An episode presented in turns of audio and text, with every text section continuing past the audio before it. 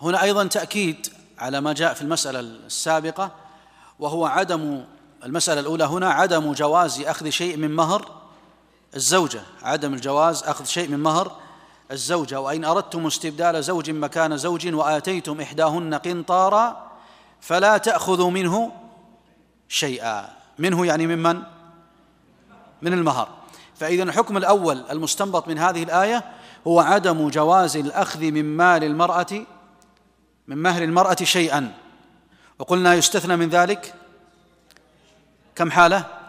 حالتان. الأولى الفاحشة والثاني الخلع. الثانية الحكم الثاني المستنبط أيضا من هذه الآية هو جواز المغالاة في المهور. من أين استنبطنا هذا الحكم؟ جواز المغالاة يعني زيادة أجر الزوجة أو طلبها مبلغ مرتفع. يجوز ولا ما يجوز؟ ها؟ يجوز بدليل قوله تعالى قنطارا والقنطار هو المال الكثير المال الكثير. ولذلك هذه وقعت قصة مع عمر رضي الله عنه فإنه نهى على المنبر عن المغالاة في المهور. فجاءت امرأة وقامت وقالت اعترضت على عمر وقالت كيف تنهى عن هذا الأمر؟ وقد أباحه الله عز وجل. وذكرت هذه الآية.